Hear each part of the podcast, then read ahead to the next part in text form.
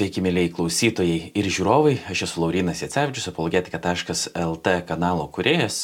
Jeigu prisijungėte prie mūsų apologetika.lt YouTube kanale, iškart raginu jį užsiprenumeruoti. Na, o jeigu klausotės mūsų Marijos radio arba XFM radio eteriuose, taip pat sveiki. Čia rubrika Biblijos slėpiniai. Joje kalbamės su Vytauto didžiojo universiteto docentu Pauliumi Čerka. Sveiki, Pauliu. Sveiki. Dabar kalbame apie pradžios knygą, prieš tai jau spėjome, sugebėjome aptarti mokytojo knygą, viską galite rasti arba Marijos radio mediatekoje, prie laidos Biblijos slėpiniai arba plogėtika.lt YouTube kanale, ten bus ne tik išgirsit, bet ir pamatysit. Priartėjom dabar prie antrojo pradžios knygos skyriaus ir kalbėsime apie antrąjį pasakojimą apie sukūrimą. Toks išėjo šiek tiek pilna burna žodžių, bet supratote, ką turiu omenyje. Pasikalbėsime šiek tiek apie tą problematiką, kodėl yra du pasakojimai, galbūt šiandien pavyks aptarti ir žymėje šonkaulio išėmimo operaciją, bet apie visą tai jau netrukus. Pabandysiu perskaityti dabar kelias eilutes ir tada su Paulium aptarsim, kas buvo perskaityta. Pradžios knyga, antras skyrius, nuo ketvirtos eilutės. Ta diena, kai viešpats Dievas padarė žemę ir dangų, kai žemės laukose dar nebuvo jokių krūmokšnių, dar nebuvo išdygusi jokia laukų žolė, nes viešpats Dievas dar nebuvo siuntę žemė lietaus ir žmogaus dar nebuvo dirbai arti. Tik versmė trykždavo į žemės ir drekindavo visą dirvos paviršių. Tuomet viešpats Dievas padarė žmogų žemės dulkių ir įkvėpė jam iš nervės gyvybės alsavimą. Taip žmogus tapo gyva būtybė.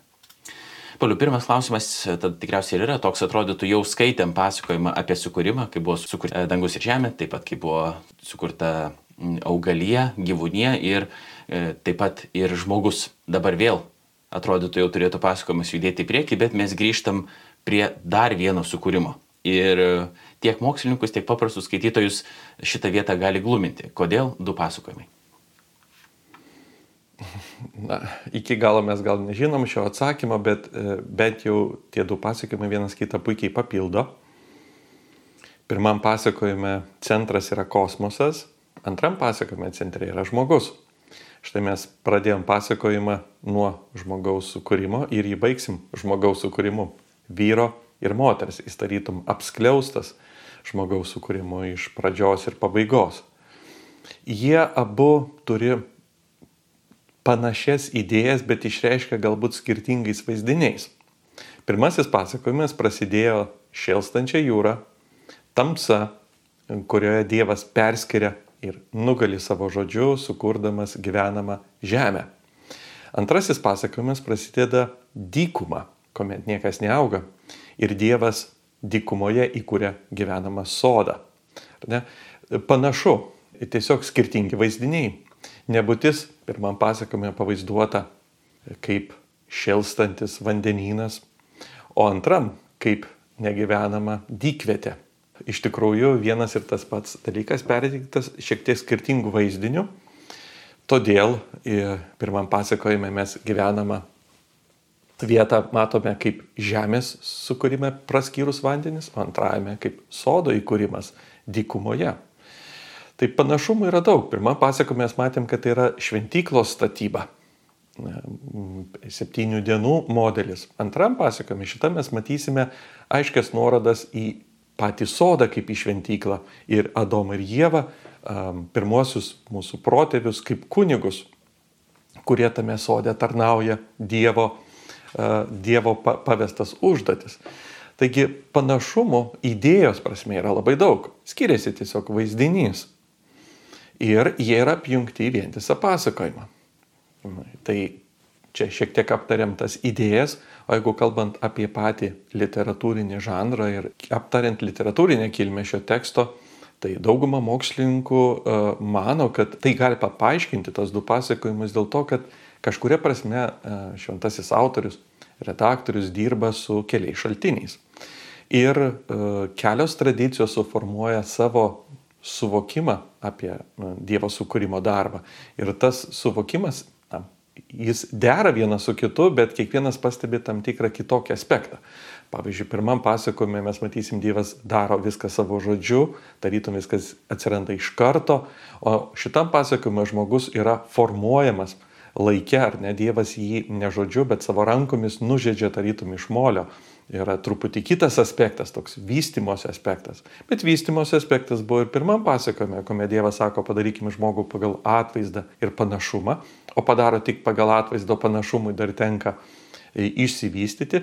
Tai čia mes rankome, tarytum Dievas dirba su žmogumi ir žiedžia, tarytum menininkas jo kūną ir įkvėpia savo dvasę.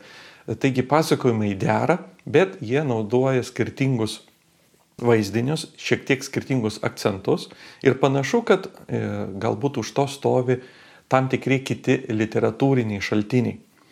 Na, moksliškai kalbant yra tokia dokumentinė hipotezė, šiai dienai biblistų turbūt e, daugumos priemama kaip labai tikėtina.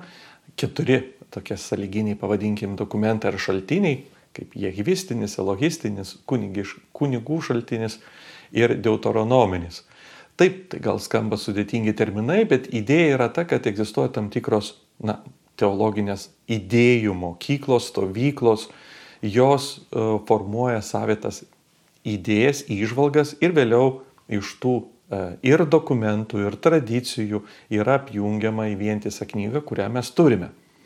Galbūt pasakyčiau keletą stereotipų, uh, su kuriais mes galim susidurti, suprasdami, skaitydami šios pasakojimus. Pirmas stereotipas yra įsivaizdavimas, kad tekstą rašo vienas autorius kažkokiu vienu įkvėpimu.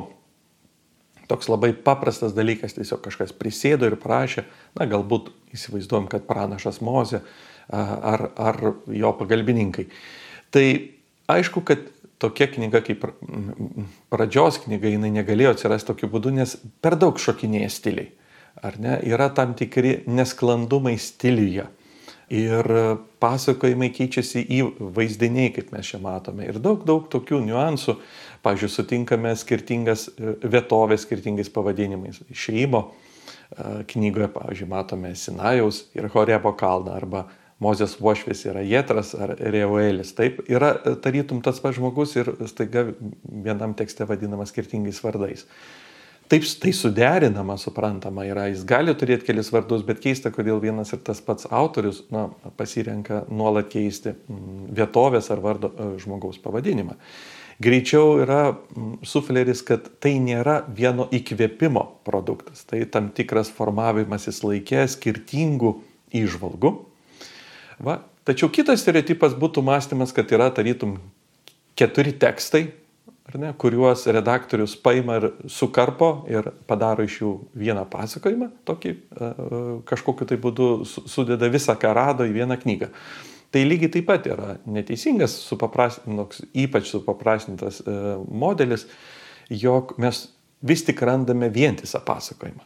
Net jeigu tie pasakojimai ir kartojasi, tam tikras vientisumas jaučiasi. Štai mes, Laurinai, tu neperskaitai e, trečios eilutės, kuri būtų įžanga ir kuri užvadina dabartinį pasakojimą kaip dangaus ir žemės kilmės knygą. Ir tokių kilmės knygų pradžios knygoje mes sutinkame dešimt. Reiškia, akivaizdžiai knyga turi sistemą, tam tikrą tvarką, nuoseklumą, e, dešimt genealogijų, dešimt kilmės pasakojimų sudaro vientisą knygą.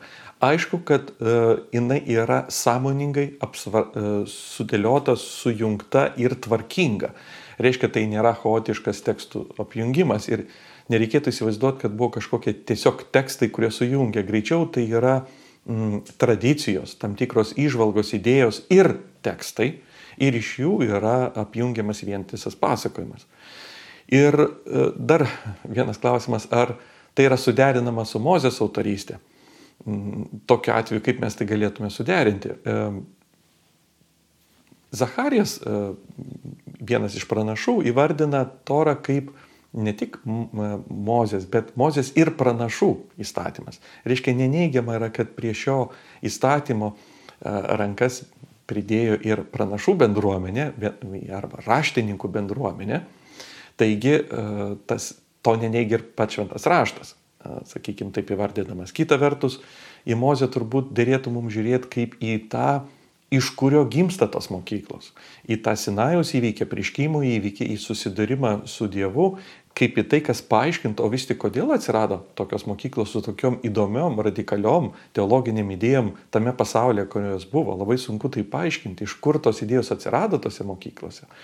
Panašu, kad įvyko tam tikras apriškimo įvykis ir jį mes galime matyti Mozės asmenyje, Mozės gyvenimo įvykėje, išeimai iš Egipto įvykį ir Sinajos įvykį tie įvykiai gali būti šaltinis viso to, ką mes skaitome. Todėl visiškai normalu vadinti tai Mozės knyga, ne dėl to, kad Mozė būtų techninis autoris kiekvieno žodžio, bet Mozė gali būti tas asmo, už kurio stovi šitos knygos idėjos, kurios iš tikrųjų žmogiškų būdų formavosi per žmonės. Kaip Šventasis Augustinas yra pasakęs, šventas raštas yra parašytas per žmonės žmogiškų būdų. Ir vad būtent tas žmogiškas būdas buvo šimtmečiai formavimasis tam tikrų mokyklų, tam tikrų teologinių įžvalgų, tam tikrų geografiniai vietoj, ar tai Izraelio šiaurėje ar pietuose e, teologinės mokyklos e, formavimasis, jis pagimdo e, tam tikrus tekstus ir vėliau jie suguldomi į nuoseklų pasakojimą. Taigi galbūt porą išvalgų apie, apie, apie šią eilutę, apie dangaus ir žemės kilmės knygą. Galbūt ar būtų galima pridėti, neįsiplečiant e, visai, kad yra ir šiandien tokių mokslininkų e, ir vienas konkretus popularizuotojas, kurie meta iššūkį dokumentiniai hipotezė, aišku, nestereotipiniams tiem variantams, bet tiesiog bandant, bandant pasvarstyti apie tai, e, sureaguoti galbūt į mokslininkų norą taip uh, viską praeitie atrasti, sakykim, paprastai taip sudėlioti, e, atsikratant tokio kompleksiškumo, galbūt rašinių, rašymo ir kad žmonių rašymo stiliais keičiasi ir taip toliau.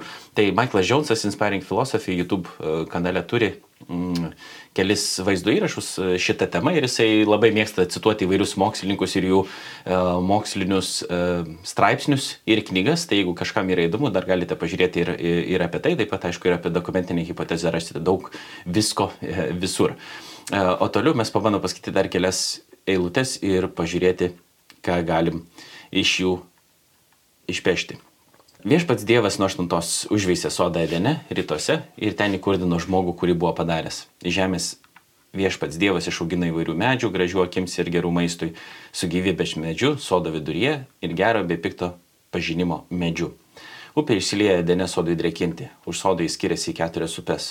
Pirmosios vardas yra Pišonas, tai vingiuojanti per visą Haivilos kraštą, kuriame yra aukso. To krašto auksas yra rinktitis, ten yra Delio bei Lazurito. Antrosios upės vardas yra Gihonas, tai vingiuojančioji per visą Kušo kraštą. Trečiosios upės vardas yra Tigras, tai tekančioji rytus nuo Asirijos, o ketvirtoji upė yra Eufratas. Gabaliukas apie patį Edeno sodą, daug aišku įvairių minčių ir idėjų žmonėms kelia. Pati ta Edeno sodo samprata, apie ką tas Edeno sodas ir ar jis kažkur yra, ar dar galima nueiti, e, atrasti tą Edeno sodą yra ir pasvarstymų, kuris galėtų būti geografiškai. Kiti sako, ne, čia apskritai tiesiog tai yra vaizdinys ir nereikėtų tai kreipti dėmesio. Kaip mes galėtumėm apsvarstyti šitą klausimą Edeno sodo? Taip, bandymų jį surasti nuolat buvo ir vis dar šiandien jų yra. Na, gali būti, kad kažkokia vieta yra panašiai tai, ką prašo autorius, Tačiau, kai mes sutinkam šitas keturias upes, kelios iš jų yra labai aiškios, kurios yra, kai kurių e, yra ne visai aišku, kas turime omeny, bet panašu, kad tos upės e, yra skirtingose e, vietose, tiek Azijoje, tiek labiau ir Afrikoje. Ir techniškai turbūt neįmanoma įsivaizduoti, kad yra kalnas, iš kurio yra toks taškas, iš kurio tos upės išteka tai e, visos jos apibūdina e, to meto vyruojančias kultūras ir civilizacijos centrus.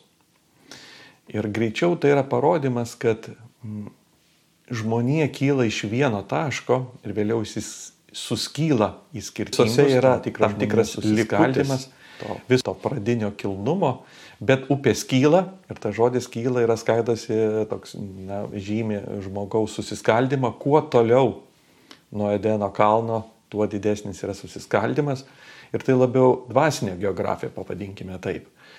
Ir norima parodyti greičiausiai, kad žmonijos civilizacija yra dabar nebe viena, o jos skirtingos, tačiau ištaka yra viena. Ta upė yra tarytum vėlgi žmonės, nes kai Izaijas kalbės apie naują žemę, naują dangų, jis apsuks šitą vaizdinį ir kalbės apie upes, kurios kyla į kalną, atvirkščiai, jos grįžta atgal į tą Edeno sodą, yra žmogaus sugrįžimas ir aiškiai jis jau turi omeny vietoj upės pačių žmonės, kad tautos plūsta į kalną, tarytum upės kyla į kalną. Toks e, pranašiškas vaizdas upė tekanti prieš, sakykime, ne pagal nuolydį, ar ne. Tai jeigu taip matom, kad pranašai matė tas upes, jog tai yra žmonės, tautos, kurios tolsta arba artėja, tai panašu, kad, kažin ar mes turime tokią vieną geografinę vietą, greičiau tai yra parodimas tolimo ir artėjimo prie kalno ir civilizacijos ištakų, kaip kultūros ištakų. Nors apie kiekvieną upę galima na, kalbėti, pavyzdžiui, įdomu yra tai, kad Gihonas turbūt vieną kartą yra sutinkamas šventyklos upelis pavadintas, greičiausiai nuoroda į šią upę. Sunku pasakyti, ar tai yra pervadintas e, pavadinimas, ar tai ir buvo vienintelis pavadinimas, bet aišku yra tai, kad žydams šventyklos šaltinis ir buvo modelis šitos Edeno upių iš kurios išteka ir, ir jie statydami šventyklą, šventyklos kalną vadino tais pačiais vardais, kaip ir Edeno pasakojimas, tas pirmą pradė šventykla, kurią mes sutinkame Edeno sodė. Pats sodas jau, mes kalbėjome, yra vaizdinys pasiskolintas iš tam tikro karališko etiketo, karališkų rūmų modelio, kuomet karalius sodė bendrauja su draugais ir ilsisi, švenčia ir, ir, ir džiaugiasi. Ir čia svarbu pabrėžti, kad žmogus sukūrimas yra ne sodė, žmogus sukūrimas yra toj dykvietiai iš žemės ir perkeliamas į sodą. Reiškia, sodas yra malonės būsena, kuri žmogui yra dovanojama ir kurią jis praranda per nuopolį. Jis yra išvėjamas į sodą vėlgi į dykumą, dykvietę, dirbti, vergiškai dirbti, e, nes toj dykvietėje auginami ir škiečiai yra. Ne? Tai toks jis praranda ir polisi, ir sodą, ir turi gyventi dykvietį, ir vėliau mes matysim, kad vis tolsta ir tolsta kiekvieną kartą vis toliau nuo sodo yra išvėjama. Tai aš sakyčiau, turbūt tai yra dvasinio geografija labai taikliai parinkta, apibūdinanti žmonijos civilizacijos ištakas, nuoroda į mūsų susiskaltimą ir į tam tikrą pirmą pradę vienybę, kuri kyla iš, iš to žmogaus sukūrimo iš, iš malonės būsenos, į kurią žmogus yra pakilėjimas, tai yra perkeliamas į sodą, jam yra padovanojamas sodas, nors jis nėra prigimtinai sukūriamas sodė. Reiškia, šiandien mes taip pat suvokiam, kad yra mm, žmogui reikalinga malonė sugrįžti į sodą ir malonė bendrauti su Dievu. Tai yra malonės dovanos, o ne prigimtinės dovanos. Daug galima apie tai kalbėti, bet pora turbūt išvalgų būtų tokių. Klausimas e, gali kilti toks kodėl, jeigu tai yra visiškai dvasinė geografija, e, yra paminimos ir tikrai mums žinomos vietos. Dabar, pažiūrėjau, Pišonas ir Gihonas mes nežinom, kas čia yra per upės, nėra žmonės dar įsiaiškinę, tiksliai yra įvairių spėjimų, kur tai galėtų būti, bet Tigras ir Eufratas, e, jos yra žinomos, kurios, kurios egzistuoja. Tai ar būtų galima sakyti tada, kad um, vis dėlto yra statoma ta vaizdinių kalba, kaip jau mes kalbėjom prieš tai, irgi ir, ta, ir galbūt dvasinės tokios išvalgos ant tam tikrų, galbūt geografinių vietų, ant tam tikrų istorinių e, įvykių. Ir tada ta žanras, kurį mini e, Viljamas Leinas Kreigas, nagrinėdamas šitos skyrius ir e, bandydamas sisteminti įvairių mokslininkų darbą, sako, yra mito istorija. Tai reiškia, kad vis dėlto yra tam tikras istorinis pagrindas, galėtum sakyti ir geografinis pagrindas kažkurioms vietoms nusakyti asmenims Bet e, pati ta forma viso ko vis dėlto yra mitinė, bet mitinė ne tai, kad tai yra netiesa, mes jau kalbėjome apie tai, kas yra mitas, e, kad tai yra tam tikras pasakojimas, ne, kuris, kuris jungia taškus ir kuris yra teisingas, bet ne pažodiškai, vadinkim taip. Bet e, ar taip tada būtų galima sakyti, ar vis dėlto kažkaip reikėtų atsiriboti nuo šitokio mąstymo? Nu, duotų atveju tos upės, jos yra realios ir greičiausiai pirminiam skaitytojui buvo žinomos galbūt ir visos keturios, bet panašu į tai, kad jom yra padengiamas visos kultūros. Tiek Egipto kultūra, tiek Asirijos kultūra, tiek Babilono. Tai yra Eufratas ar Tigro upė, Sirija ir Babilonas. O Pišonas Gihonas greičiausiai kalba apie Egipto, Arabijos, Izmaelitų kultūras, reiškia, tos upės tarytum uždengia visą tai, kas tuo metu pasaulyje ir buvo civilizacijos centrai. Jos teka su žmogiškom idėjom, su žmogiška kultūra ir susiskaldo, jos yra visiškai kitokios, bet parodoma, kad jų ištaka yra viena ir jeigu sugrįžtų žmonija atgal į kalną, jinai vėl taptų vieninga. Tai mano galva tai yra kalba apie tikrovę, apie realias kultūras, tiesiog upių pagalba. Va, ir turbūt taip, ir iš tikrųjų net ir apibūdinimas tų žemių, kad mes randame ten vienose vietose auksą ir tam tikrą akmenį ir tas dovanas Edeno, tai tiksliai atspindi į izraelitų kelionės metu tas dovanas, kurie jie matė irgi dykumoje šventykloje, kaip šventykla buvo statoma iš tų pačių, sakykime, brangių metalų ir lygiai taip pat vyriausio kunigo, sakykime, aprėdosiai ir, ir um, papuošaluose buvo randamas ta, ta, ta pati nuoroda, tai vėl mes matom tą šventyklos tam tikrą modelį, kaip jau mikrošventyklos, o čia mes turime tą pirmą pradę, Dievo šventyklą įkurtą, į, į kurią jau nurodė tiek Mozės padangtė, tiek Saliamono šventykla. Iš tikrųjų, ta kalba labai susijungia. Mums gal skaitant pirmą kartą atrodo, kodėl čia kalbama ir apie auksą, ir apie tas vietovės, bet jeigu mes gerai pažinotume e, šventyklos sandarą, kunigo apredus, mes aiškiai atpažintume, kad tokiu būdu mes gauname galimybę, ateidami į Izraelito šventyklą, tarytum pabūti modeliuke tos tikrosios e, Edeno šventyklos ir ją tarytum sugrįžti Edeno sodą bent trumpam, bent per simbolius. Tai taip kalbėjo tuo metu izraelitams. Taip jie matė tas sąskambius ir tas tautas, kurios galbūt e, iš pradžių atrodė labai agresyvios, bet kai tu matai, kad upė ir iš Edeno teka į jas, e, supranti, kad upė į skirtingas tautas ir į skirtingas kultūras teka, nėra tik tai viena tauta yra visos tautos. Tai tarytum tam tikra žinia, kad Dievas ne tik, na, sakykime, tik su izraelitais kalba, visos kitos tautos yra tarytum nieko bendro su juo neturi. Jis parodo, kad upės į skirtingas pasaulio šalis, į visas šalis ištekėjo iš Edeno, ar ne? Kad visos tautos, visos kultūros Dievui yra priimtinos brangus visų tautų ir kultūrų žmonės. Tai ta žinia labai svarbi ir labai fundamentali ir mes ją pamirštam. Kitaip tariant, galima skaityti, sakykime, tekstą ir e, ieškoti tų geografinių vietų arba vien tik tais kažkokių istorinių faktų, bet e, pati esmė ir ta žinia jinai yra gilesnė. Ir mes turėtum pirmiausia juos ieškoti ir neustrikti ties tuo e, paviršiumi. Bet vis dėlto kai kurie dalykai yra įdomus ir jeigu žmonėms yra kam nors įdomu, galiu tik tais nukreipti, kad tokio pabandymo paieškoti Edeno sodo, Joelio Kramerio kanalą Expedition Bible, aišku, ir jis angliškai, e, klausytojai, nežinau ar išgirdo dabar teisingai, bet e, e, žiūrovams, kurie žiūri per apologetika.lt YouTube kanalą, šitiesių nuorodą bus galima pažiūrėti. Jis be jokių sensacijų tiesiog yra archeologas, kuris gyvena Izraelyje, užaugęs ir viduriniuose rytuose ir jisai bando daug įvairių biblinių tokių vietų atrasti, vienų labiau kontroversiškų, pavyzdžiui, kaip Edeno sodas, kitų mažiau kontroversiškų, tiesiog rasti tai va tas tokias nu, fizinės vietas, kur įvyko vienas ar kitas uh, biblinis toks uh, įvykis. O toliau mes bandom skaityti uh, nuo 15 eilutės. Viešpats Dievas paėmė žmogų ir apgyvendino jį Edeno sode, kad jį dirbtų ir jo rūpintųsi. Ir jis sakė, žmogui viešpats Dievas tardamas nuo visų sodo medžių tau leista valgyti, bet nuo gero bei pikto pažinimo medžių tau neleista valgyti, nes kai tik nuo jo paragausi, turėsi mirti. Pačioj pradžioj sakoma taip, kad Dievas žmogų apgyvendino sode, apie tai jūs jau minėjot, kad tai yra malonės būsena, bet kam? Čia prašyta, kad jį dirbtų ir jo rūpintųsi.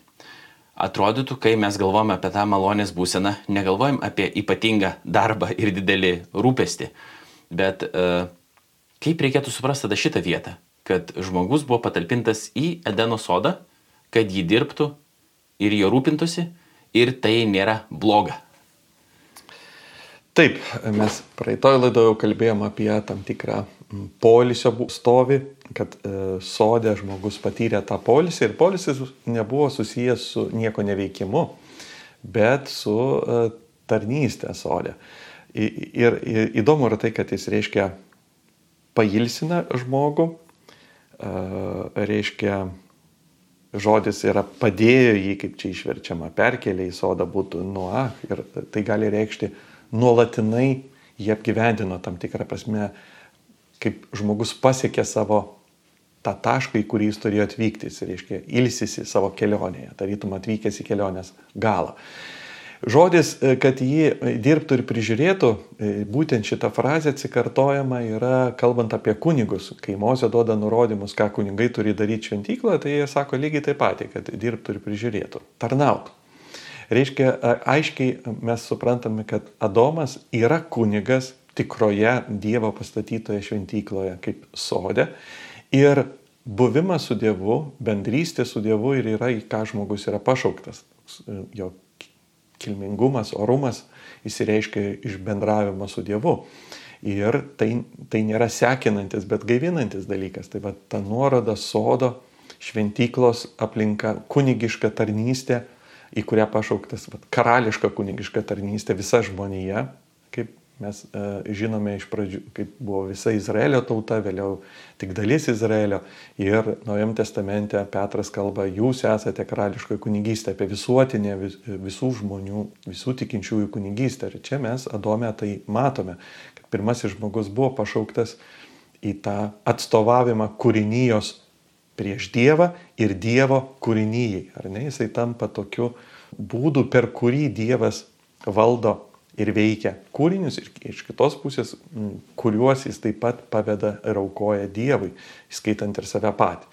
Ne, tai toks labai gražus žmogaus, Dievo ir kūrinio santykis išreiškiamas per karališkos kunigystės modelį. Ir tada Dievas duoda vieną įsakymą. Nuo visų sodo medžių tau leista valgyti, bet nuo gero bei pikto pažinimo medžio tau neleista valgyti nes kai tik nuo jo paragausi, turėsi mirti. Mes apie tai dar skaitysim vėliau. Kodėl tai svarbu? Kodėl dabar svarbu, kad Dievas patalpindamas žmogui sodą, duodamas jam užduoti, duoda įsakymą, duoda vieną įsakymą ir atrodo kažkaip keista susijusi su medžiu. Ne šiaip darysi tą arba nedarysi ano, bet sako, e, nevalgysi. Kažkaip ir su maistu, ir su medžiu tikrai toks pirmą kartą bent jau skaitančiam atrodytų ne ypatingai tikėtas posūkis, nebent labai kreipi dėmesį apie tai, kad tie medžiai buvo minimi anksčiau. Bet e, kaip čia šitą vietą reikėtų išrišti? Nu, taip, ten yra įsakymas valgysi nuo kiekvieno ir įsakymas nuo to nevalgysi. E, reiškia, jis, jis nurodo į tai, ką reikia daryti ir tai, ko negalima daryti. Um, iš pradžių taip, tai atrodo neįprasta, bet um, čia mes tada paliestume nu, tų medžių klausimą, kas tai yra per medžiai. E, dažnai mes įsivaizduojam, kad tai yra Adomo obolys, netgi turim, ar ne, fiziologinį apibūdinimą ne, pa žmogų esantį. Gal tai dažniausiai yra obels simbolis, bet tekstas mums nesako tikrai apie jokį obolį ar obelį. E, buvo pasakojimai, kad gal tai yra lypmedis ar vynmedis, e, bet tekstas aiškiai sako, kad tie medžių pavadinimai yra būtent tų dviejų esminių medžių yra labai neįprastai gyvybės medis ir gėrio ir blogio pažinimo medis. Ir būtent nuo jų arba jų pačių netgi negalima, reikia, reikia valgyti ir e, kito nereikia valgyti. Išminties literatūroje e, pati išmintis yra vadinama gyvybės medžiu O žmogaus pasitikėjimas sava išmintimi yra, kada pats žmogus mato save išmintingą, na, yra pastatoma iš tikrųjų kaip kvailystė ir to vad gėrio ir blogio pažinimu, kurį pats žmogus savyje turi, manosi turys. Pats medis nėra blogas. Visi medžiai Dievo išauginti. Netinkama yra žmogui nuo jo imti ir valgyti mums atrodo, gal jis yra kažkuo blogas. Ne, medis neblogas. Netinkama yra jo maitintis. Netinkama manyti, kad aš galiu turėti savyje nepriklausomą nuo Dievo išmintį. Tas gėrio ir blogio pažinimas uh, artimųjų rytų literatūroje gali reikšti tiesiog viso ko pažinimą, nuo A iki Z, tai yra nuo gėrio ir blogio, nuo to, kas tinkama ir netinkama, ar ne, toks visapusiškas pažinimas. Uh, Ir idėja yra tokia, kad jei aš tai imu, reiškia, aš savyje tą pažinimą turiu. Yra dalykų, kurių mes patys savo negalim pasimti. Jie gali mums bus dovanoti, bet jie niekada nėra paimami. Pavyzdžiui, branda. Vaikas negali pats nuspręsti, kad jis yra subrendęs. Jis gali subręsti, augdama šeimoje, bet jis negali pats save subrandinti. Ir kaip mes juokiamės kartais, kai vaikai nusprendžia būti lik suaugę, jie bando pakartoti saugusio gyvenimą dažniausiai, ar ne, išgerdami alkoholio, ar rūkydami ir taip įsivaizduodami, kad jie jau tapo suaugę, ar ne, jie tokiu būdu įžengia į suaugusių pasaulį, bet jie juk netampa protingesni. Priešingai, juose ir pasirodo tas vaikiškas naivumas ir kvailumas. Tu negali brandos pasiimti, bet tu gali užaukti. Yra dalykų, kurių tu, nu, pavyzdžiui, ne, negali tapti čempionu, pats save tokiu padaryti, e, nugalėtoju, ar ne? E, medalis yra padovanojimas, kai tu nugali rungtynės, tu negali tiesiog pats pasigaminti savo medalį ir sakyti, na, aš esu vat, nugalėtas. Ne? Turi būti tam tikras a, padovanojimas, įvertinimas kažko kito tavęs, o ne savęs paties. Tai vat, yra dalykai, kurie nenusiskina. O jeigu tu juos skini, tu prarandi. Tai panašiai ir čia yra. Dievas norėjo, kad žmogus būtų išmintingas, bet ta išmintis yra tik suvokiant priklausomybę nuo karaliaus. Ir kai tik aš nusprendžiau tą išmintį turėti savyje, staiga jinai nutrūksta gyja su tikrąją dievišką išmintim ir iš tikrųjų aš atrodo imu, bet ir nebeturiu. Nu, kaip vaisių nuskini, bet jis nuvysta. Nėra tos išminties, tai yra apsigavimas. Tu tampi išmintingas savo kise, bet iš tikrųjų nesi išmintingas. Kita vertus, gyvybės medis labai įdomus. Apie jis neparašyta, kad jis patrauklus akims. Jis nėra patrauklus. Tačiau jis yra kaip tik tas, kuris duoda tikrą išmintį. Jis yra dalyvavimas Dievo gyvenime. Ir jau Naujojo testamento autoriai aiškiai išvelgia čia kryžių, kuris nepatrauklus mums, bet yra Dievo išmintis. Kristaus auka, nusižeminimas, yra tai, ką Dievas labiausiai brangina ir ką jis rodo ir koks jis pats yra. Ir tai buvo gyvybės medija, kuris netrodė patraukliai, bet kuris savyje dalyvaujantėme ir turėjo tikrą dievoišką išmintį. O gerio blogio pažinimas, kurį aš pasiemu ir pats turiu, yra apgaulingas. Tai yra, tai rodo aroganciją, pasididžiavimą, nusisukimą nuo tikrosios išminties kaip šaltinio ir laikymasi save būti išmintingu. Ne? Tai, taip būtų tie medžiai žmogaus pasirinkimas, e, kur Dievas nepadėjo nuodėmės į sodą, ar ne, bet e, žmogaus pasirinkimas yra įdingas, ne medis yra įdingas, bet jo ėmimas medžio, veiksmas, nusisukimas į mažesnį gėrį, pavadinkime taip, atsisukimas į save. Šitas veiksmas tapo nuopolio priežastimi, apie kurį gal dar mes ir kalbėsim daugiau, bet jau čia mes matom, kaip Dievas nesukūrė nuodėmės, nesukūrė nuopolio, jis sukūrė galimybę žiūrėti į save arba į Dievą. Ir vienas medis yra žiūrėjimas į save, kitas žiūrėjimas ir dalyvavimas Dieve. Aš matau, kad tikriausiai operacijos dalį mums reikės atidėti kitai laidai, kadangi dabar atidarytumėm tokią skrinę, kurių nebesugebėtumėm surankyti visko, kas iš ten lenda. Vyrų, moterų santykiai, e, irgi tam tikros interpretacijos, e, santokos, pats tas sukūrimo momentas, kaip reikėtų jį suprasti, gyvūnų pavadinimas ir taip toliau. E, manau, kad šitas temas mes aptarsim kitą kartą, bet tada galim toliau e, jau laidos pabaigą pabandyti pavystyti tą gėrio ir blogio moralės temą. Atrodo, Dievas, kurdamas e, viską, kai sukūrė, sakė gerą, gerą, gerą, gerą, gerą. Dabar jisai sukūrė žmogų, patalpino Edeno sodę, davė įsakymą nevalgyti nuo šito medžio, kuris pats nėra blogas, bet blogas yra pasirinkimas. Tad žmonėms dabar kyla toks klausimas kodėl Dievas leido blogio galimybę. Galbūt Dievui nereikėjo šito medžio sodinti sode ir mes būtum išvengę visų problemų.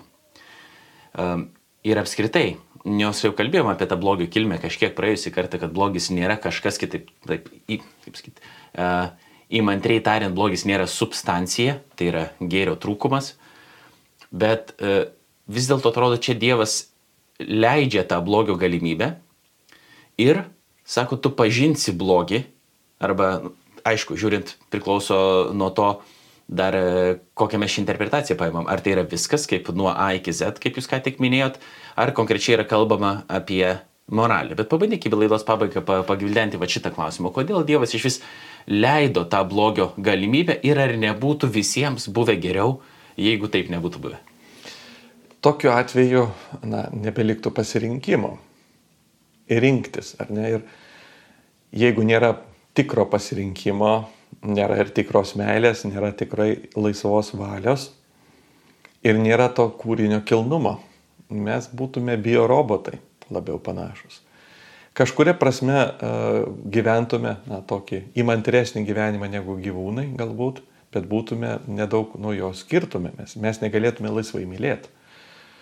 Nes meilė reikalingas tikras pasirinkimas. Rinktis tai, ką tu myli ir ką mylėti. Ar, ne, ar tikrai tą, tą, tą tu myli. Tai tie dalykai, jie atveria riziką, jie susiduria su rizika, kad e, gali blogai pasirinkti, bet kita vertus, e, jie taip pat atveria išbandymą, brandą ir e, brangę meilę.